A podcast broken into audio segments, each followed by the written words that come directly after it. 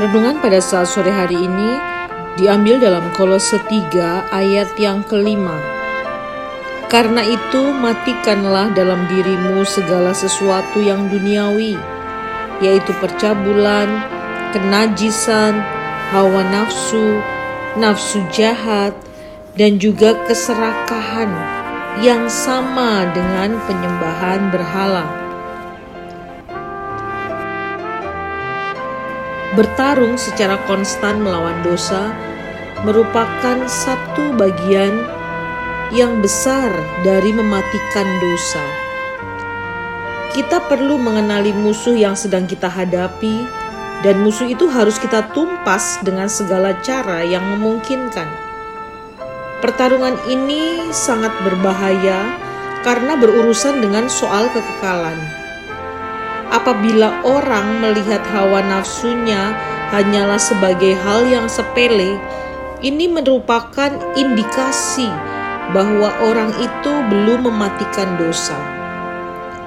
Kita tidak mungkin melangkah maju kecuali kita mengenali bahaya dari hati kita sendiri. Kita perlu mengenali dari dekat cara-cara, tipe muslihat, metode, pendekatan-pendekatan, dan peluang-peluang di mana hawa nafsu mendapat kemenangan. Berikut ini adalah cara manusia menghadapi musuh-musuh mereka. Mereka menyelidiki rencana-rencana dan sasaran musuh dan memperhatikan dengan cara dan alat apa para musuh dulu pernah berhasil menang. Dengan demikian, musuh dapat dikalahkan. Ini merupakan strategi paling penting.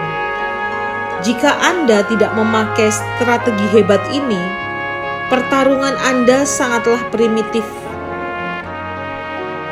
Kita perlu menyelidiki bagaimana dosa memakai setiap peristiwa, peluang, dan pencobaan untuk mendapatkan keuntungan. Selidikilah dalih-dalihnya kepura-puraannya, akal bulusnya, strategi-strateginya, ragam jenisnya, dan alasan-alasannya. Kita perlu menelusuri semua lika-liku ular tua ini dan mengenali cara-cara liciknya yang paling rahasia. Ini adalah cara dan jalan yang biasa engkau atau ular gunakan saya tahu apa sasaranmu.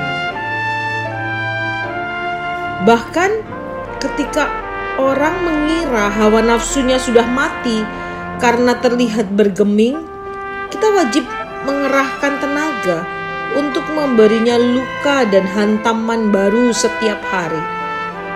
Dengan demikian, jiwa memiliki keunggulan posisi.